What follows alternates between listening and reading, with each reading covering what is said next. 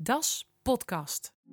Je luistert naar een aflevering van De Eerste Lichting, een serie portretten van alumni van de Master Creative Producing. Het is niet langer meer ja, want er zijn zoveel anderen. Want nu creëer ik zelf mijn kansen.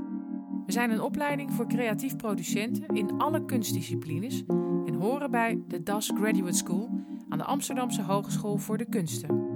In deze aflevering Mark van Loon. Na een professionele danscarrière produceerde en choreografeerde Mark interdisciplinaire performanceprojecten en club-events. Zijn fascinatie voor rituelen koppelt hij aan de viering van 20 jaar openstelling van het huwelijk voor de queergemeenschap in Nederland. Mark produceert momenteel een oral archive en een aantal performance events rondom dit thema, als een uitvloeisel van zijn afstudeerproject. Wij hadden het eerste jaar hadden we uh, aan het einde een sessie met Adelheid Rozen. Die met ons uh, ja, een soort van presentatie ging maken naar een workshop van een paar dagen. Uh, en die ons ook meer in de samencreatie als klas samenbracht. En uh, ik weet, wij zaten op het grasveld buiten en zij begon te praten over verhalen. Verhalen van mensen. Ik weet dat mijn maag een soort van soort van zakte. Ik voelde een soort van ontspanning door mijn lichaam en ik dacht van, dit is het eigenlijk. Het gaat me over dat ik heel graag ja, een soort van wil bijdragen aan iets waar ik misschien zelf in mijn eigen leven gemis aan voel. En dat is namelijk dat we elkaar in de ogen kijken als mensen. En dat we tijd nemen voor elkaar en dat we elkaar valideren. Ik was in een gesprek met een vriend en die zei: Maar kun je dan niet met jouw idee als het gaat over rituelen, als het gaat over verhalen van mensen, als het gaat over uh, multidisciplinair werken met dans, maar ook met andere vormen samen. Als je over die dingen hebt, kun je dan niet op een heel ambitieus misschien, maar op een groots moment in de maatschappij inhaken met, jou, uh, met jouw werk. Toen bleek dus van, oh, in april 2021 bestaat het huwelijk, 20 jaar. Stel je nou voor dat ik um, daarmee afstudeer en dan daar dan na mijn afstuderen aan te blijf doorwerken. En dat ik dan als creative producer uh, zichtbaar word met uh, mijn werk. Voor de, voor de mensen in het begin, 20 jaar geleden, was het vooral belangrijk dat ze ook dat burgerrecht kregen. Ik was in die tijd zelf getrouwd. Uh, hij overleed een jaar later. Um, maar toen hij overleed was er ook geen twijfel meer mogelijk uh, dat wij elkaars hand uh, vasthielden uh, in het ziekenhuis. tijdens de AIDS-epidemie was dat dus niet zo. En er waren dus, zijn heel veel voorbeelden geweest van mensen die door de familie van elkaar weggehouden zijn bij het sterven van een van de twee. Dat was twintig jaar geleden echt een, een reden voor heel veel homoseksuelen om ja, om te willen trouwen en dat recht te hebben in leven en sterven. De laatste jaren zie je veel meer dat mensen hun eigen rituelen gaan uh, verzinnen. Dus ik zie het ook vooral mensen uit de club zien die ik, uh, ja, waarbij er qua gender veel meer gespeeld wordt van een man die een bruidsjurkje draagt. Of ik was op een uh, lesbisch huwelijk waar alle meiden in een bruidsjurk rondliepen. En ze waren iets van tien jurken. Die, nou ja, dat, dat soort van uh, humor ook. Dat is iets wat mij enorm triggert. Dat idee dat je uh, een eeuwenoud instituut als het huwelijk, maar dat, dat, dan, uh, dat daar dan een nieuwe expressie aan wordt gegeven. Wat bij mij heel erg aan is gaan staan, is denken vanuit inhoud en waarde politieke waarden. Van waar sta je voor? Uh, ja, heel kort door de bocht, hebben, uh, waar staat Shell voor of McDonald's? Wat doe je daarmee als het gaat over de keuzes die je maakt als producent van dingen? Ja, met welke theaters ga je wel of niet in zee? Of, of, of wie, wie zet je in je team? Ja, de discussies over inclusie ik denk dat het dat voor mij heel uh, belangrijk is geweest. Dat ik echt niet doorhad dat ik in een uh, enorme witte vlek zat zelf. Is het wel zo dat wat ik zie als een belangrijk ding, dat is voor een, iemand uit een andere cultuur helemaal niet zo belangrijk? Het hele idee van uit de kast komen, dat is een. Uit welke kast?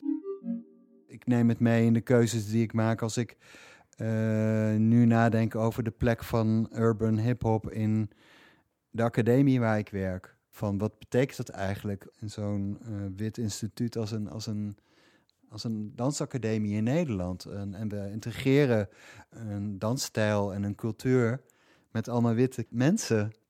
Het geeft me ook het gevoel dat ik vanuit mijn plek uh, misschien soms beter aan doe om te fa faciliteren in plaats van daar voor te gaan staan.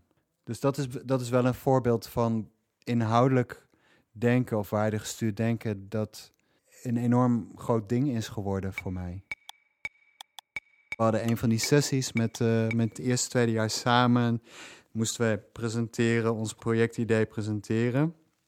En toen kwamen al die mensen die ik heel erg om hun je visie en mening uh, waardeer, die gaven mij tenminste op dat moment het gevoel van ik, dit zou wel zomaar een onderwerp kunnen zijn uh, waar ik uh, op in kan haken. Het gaat over een ritueel, het opengesteld huwelijk. Je voelt theater, je voelt performance, je voelt events, je voelt gesprekken, je voelt interviews met mensen, je voelt. Ehm, mijn eerste droom was een performance interventie in de raadzaal op in de nacht van 31 maart, 20 jaar na dato. Ik dacht van, dan worden we zichtbaar. En dan voegen we op dat moment kunst toe aan de stad. En, uh, en er is media-aandacht. En, nou ja, dus, uh, en toen kwam corona. En toen was ik al begonnen met gesprekken met uh, het Amsterdam Museum. En zo kwam ik eigenlijk van Amsterdam Museum bij de Shakespeare Club van het COC, een bijeenkomst tijdens Amsterdam Pride, waar we juist inhoudelijk inclusief wordt nagedacht over verschillende thema's, LGBTQIA onderwerpen. Dus ik mocht interviews opnemen in de OBA en die werden uiteindelijk uitgezonden op Salto TV en ik mocht interviews voeren tijdens de Shakespeare Club.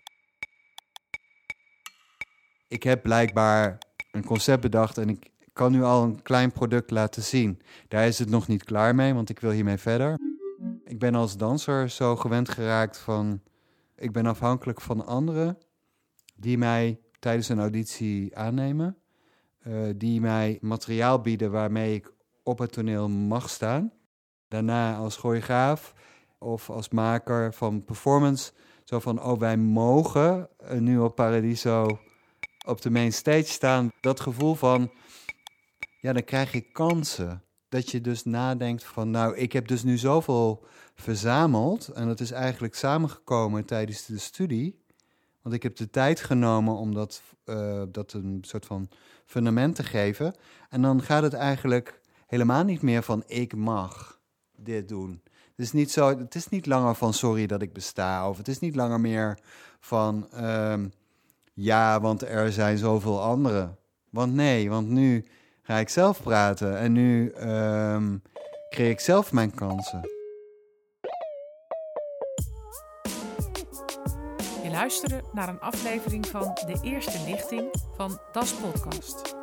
Portretten van bevlogen cultuurmakers die afstudeerden bij de opleiding Creative Producing aan de Das Graduate School aan de Amsterdamse Hogeschool voor de Kunsten. Aan het woord was Mark van Loon. Deze podcast werd gemaakt door Marije Schuurman-Hes van Radiomakers de Smet. Muziek en eindmontage Jesse van der Reng van Studio Kickfish. Voor meer portretten ga naar je podcast-app of naar de website www.atd.ahk.nl en dan naar Das Graduate School. Luister ook eens naar de Engelstalige podcast How to Think van het Performance Philosophy Journal, gemaakt door Rajni Shah en Laura Cole Omelaka. In How to Think hoor je langzame gesprekken over luisteren, healing, rechtvaardigheid en liefde.